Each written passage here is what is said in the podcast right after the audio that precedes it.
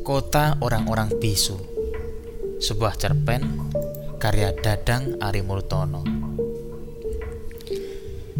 Siapa pun pasti akan sulit percaya bila aku katakan bahwa saat ini aku sedang berada di sebuah kota yang tak ada dalam peta. Kota dengan penghuni yang bisu. Ya, bisu. Semua penduduknya bisu. Dan karena semua penduduknya bisu, mereka hanya saling tersenyum atau menganggukkan wajah bila berpapasan sebagai tanda menyapa. Mereka menunjuk barang apa saja yang ingin mereka beli di toko. Hanya menunjuk tanpa bicara. Dan karena semua bisu, maka sebanyak apa pun penduduk kota itu suasana tetap saja begitu hening. Kota itu adalah kota tua, begitu tua. Kau bisa mengetahuinya hanya dengan melihat bangunan-bangunan yang ada di kota itu.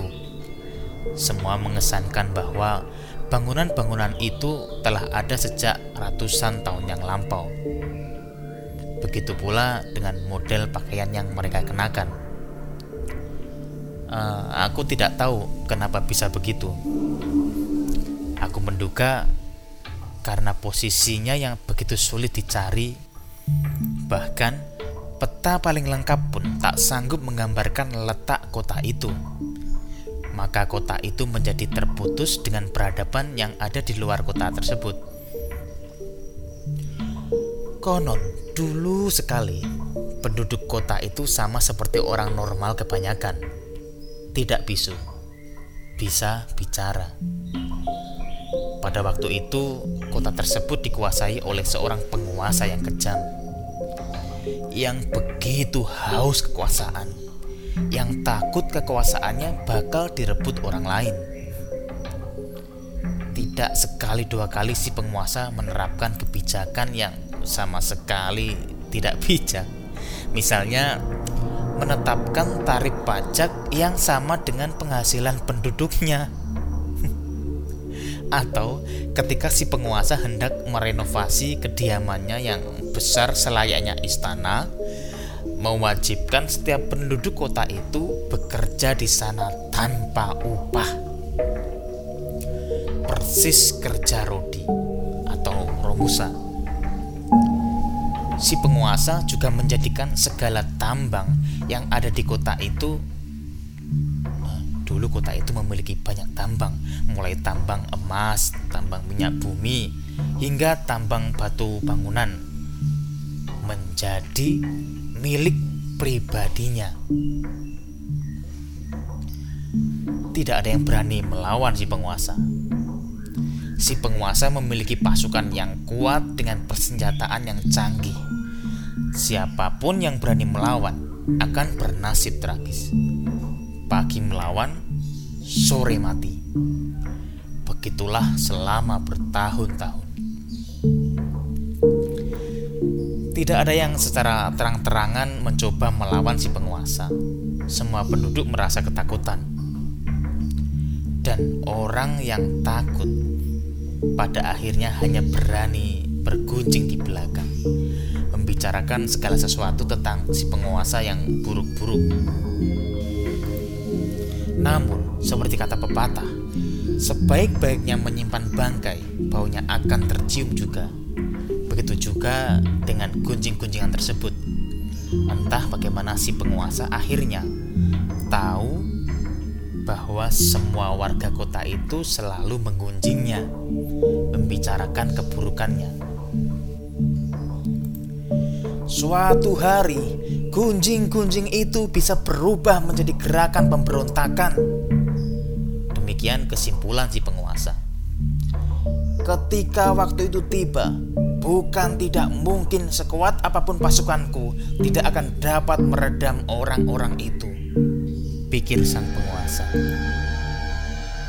Maka begitulah, pada suatu ketika dengan tujuan agar tak ada lagi penduduk kota yang membicarakan keburukannya, yang mungkin bisa membahayakan kedudukan si penguasa di kemudian hari.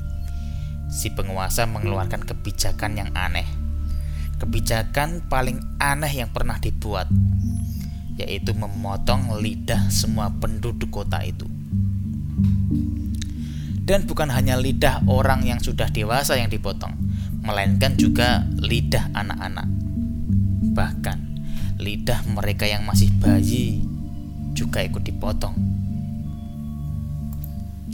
Lalu begitulah, entah kenapa setelah semua lidah penduduk dipotong, setelah semua yang ada di kota itu menjadi bisu, setiap bayi yang lahir tiba-tiba saja sudah tak berlidah. Semua orang menjadi bisu hingga hari ini.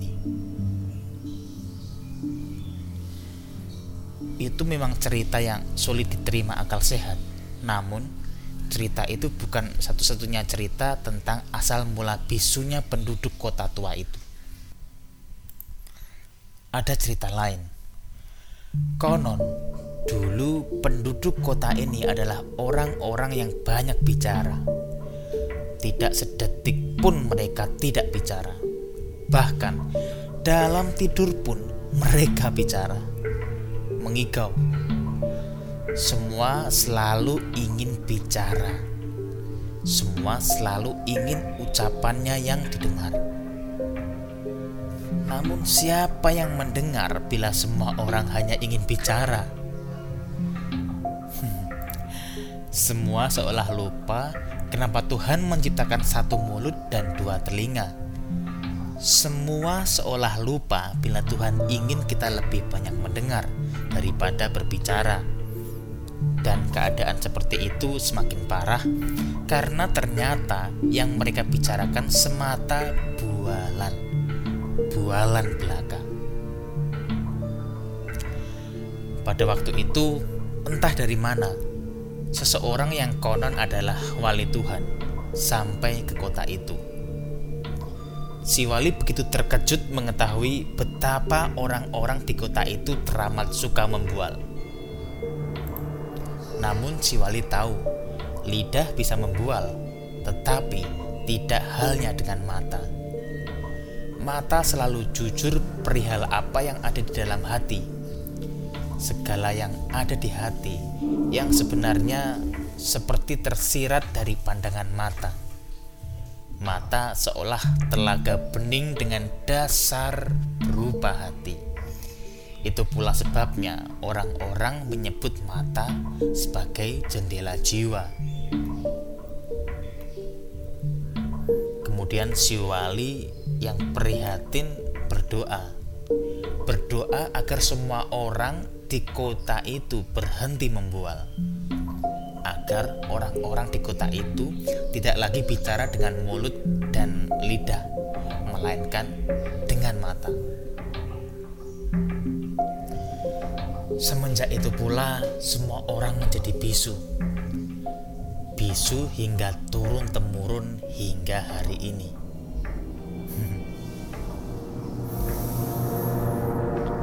Aku tidak tahu cerita versi mana yang benar dan itu tak penting benar bagiku. Aku datang ke kota ini dengan niat awal untuk tinggal di sini, tinggal bersama kekasihku. Kekasih yang pada awal-awal percintaan kami berkata bahwa dia akan selalu mencintaiku. Kekasih yang bersumpah hanya akan mengucap cinta kepadaku. Waktu itu aku percaya Hingga kemudian beberapa waktu yang lalu aku tahu dia menggunakan lidah dan mulutnya untuk mengucap cinta kepada lelaki lain. Dan bukan hanya mengucap cinta, lidah dan mulut itu juga mengecup serta mengulum mulut dan lidah lelaki lain. Bahkan mungkin bukan hanya lidah dan mulut lelaki lain itu saja yang ia kecup dan kulum mungkin juga bagian tubuh yang lain dari lelaki itu. Aku cemburu. Aku menuntut sumpahnya. Tapi ia bilang aku terlalu mengada-ngada. Ia bilang aku terlalu cemburu. Ia bilang ia tak melakukan apa-apa yang aku tuduhkan padanya. Ia berkata lagi, ia bersumpah lagi tetap mencintaiku, dan aku meminta pembuktian. Aku meminta kepastian bahwa lidahnya tak bakal mengucap cinta kepada lelaki lain. Aku meminta kepastian bahwa lidahnya tak bakal menjilati tubuh lelaki lain.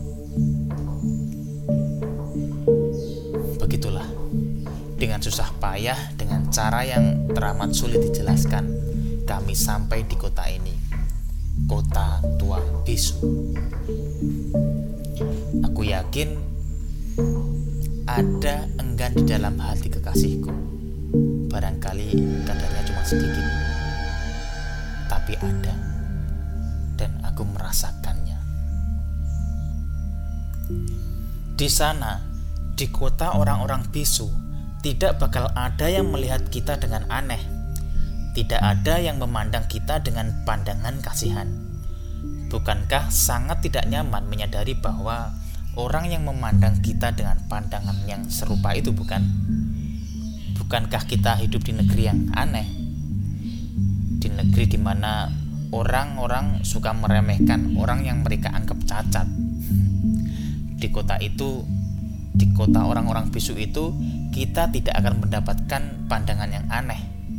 Kita tetap menjadi manusia yang utuh, manusia normal ketika berada di sana.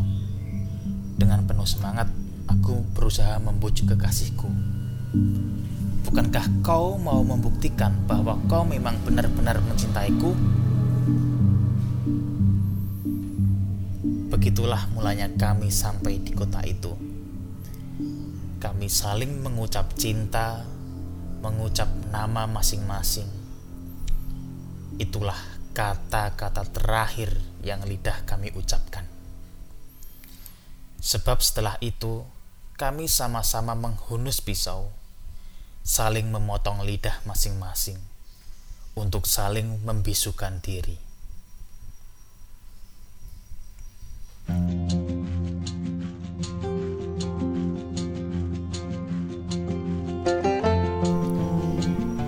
Demikianlah sebuah cerpen karya Dadang Ari Murtono yang berjudul Kota Orang-Orang Bisu. Sampai ketemu di episode berikutnya dan sampai jumpa.